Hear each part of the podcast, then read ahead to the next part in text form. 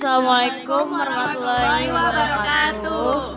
Kami dari kelompok 1 dari kelas uh, 10 MIA 2. Kami ingin membuat uh, review tentang novel yang berjudul yang berjudul Kastel Awan Burung Gereja. Nah, sekarang kita mulai dari ide perkenalan dulu, perkenalan dulu. Nah, ini yang pertama ada Fatia Zahida, panggil aja Zah. Haura Nuha Kamila, nama panggilan Kamila. Ayesha Naira Parsariawan, panggil aja Naira. dan saya sendiri Rafifah Sarah Sofiar sebagai uh, MC MC di podcast kali ini.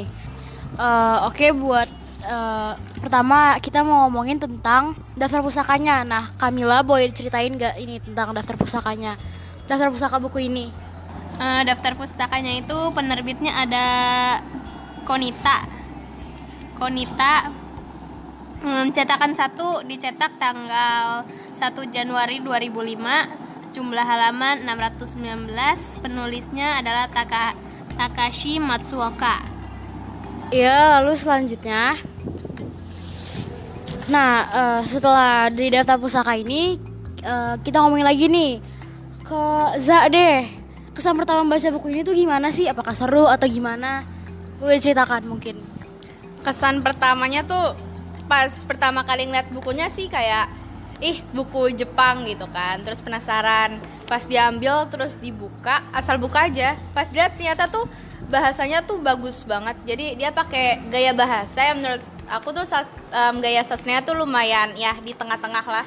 Tapi dia deskripsinya tuh bener-bener dalam dan dapat banget feelnya. Jadi aku langsung milih kayak, well ini buku yang bakal aku baca buat satu minggu ini gitu. Oh iya, kayaknya lumayan seru ya bukunya. Terus terkait dengan kesan pertama, kayaknya eh, kita juga harus patokan buku ini tuh bukan dari kesan pertama membaca buku doang, tapi juga dari rating dari internet. Naira boleh ceritakan, menurut netizen nih, eh, gimana sih rating buku ini secara keseluruhan? Baik, di sini ter, di sini rating buku mendapat rating dari 5 bintang mendapat rating 4. Kalau gitu buku ini menceritakan tentang apa sih? Kok kayak banyak yang baca dan katanya seru. Boleh diceritakan, boleh diceritain nggak? Gimana buku secara keseluruhan juga sinopsis bukunya? Baik. Jadi buku ini berisi tentang kisah tentang pengolakan perbenturan timur dan barat, budaya dan norma, agama dan dogma, tantangan dan Jadi buku ini menceritakan tentang Jerman pada zaman Shogun ketika mereka menarik diri dari negara-negara lain yang mulai dimasuki pendatang pendatang dari Amerika.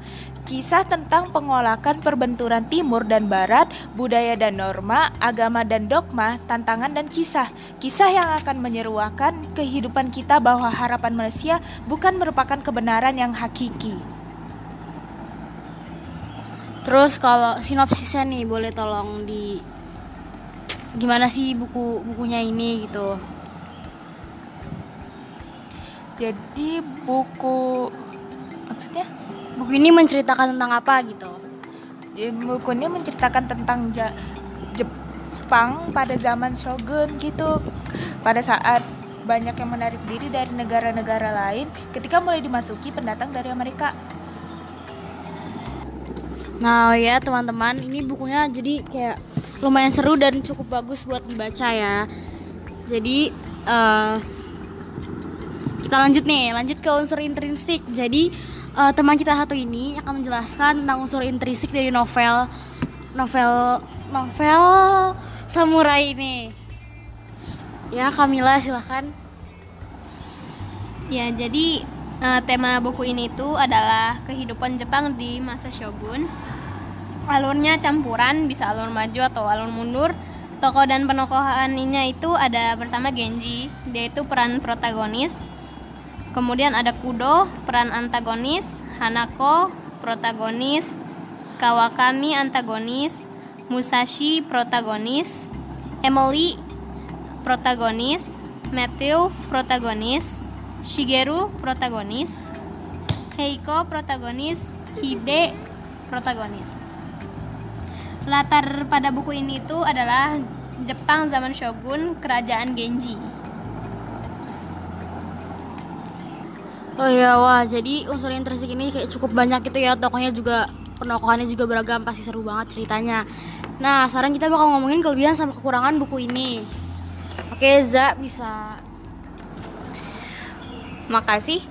Buat kelebihan buku ini tuh menurut aku tuh bagus banget bukunya. Cara penulisan penggunaan bahasanya tuh dalam banget. Penghayatan ceritanya luar biasa. Deskripsi latar dan alurnya sangat bagus. Gaya bahasanya tuh indah banget. Buat aku penulisnya ini bener-bener ngerti gimana cara ngeblend antara kebudayaan western sama kebudayaan Jepang terus dipersatuin tuh bener-bener bagus banget. Terus kekurangannya sih. Menurut aku di, bukan di dalam bukunya tapi di luar bukunya yaitu bentuk atau ukuran bukunya terlalu kecil sehingga membuat pembaca kesulitan untuk membacanya. Jadi tuh benar-benar kecil banget kayak kertas HVS di um, itu dua dijadiin dua dilipat dua terus dilipat lagi dikit. Jadi tuh benar-benar kecil, kecil banget, banget iya itu bikin capek karena tebal halamannya sampai 600-an terus mengundang beberapa mengandung beberapa unsur kekerasan sehingga tak cocok untuk anak-anak sekolah dasar. Soalnya ini kan zaman shogun ya jadi banyak samurai dan banyak pertumpahan darah sebagaimana sebagaimana macamnya. Jadi menurut aku emang bukan buat anak SD sih. Jadi buat berapa tahun nih? menurut aku aku kasih rating 13 plus. Oke.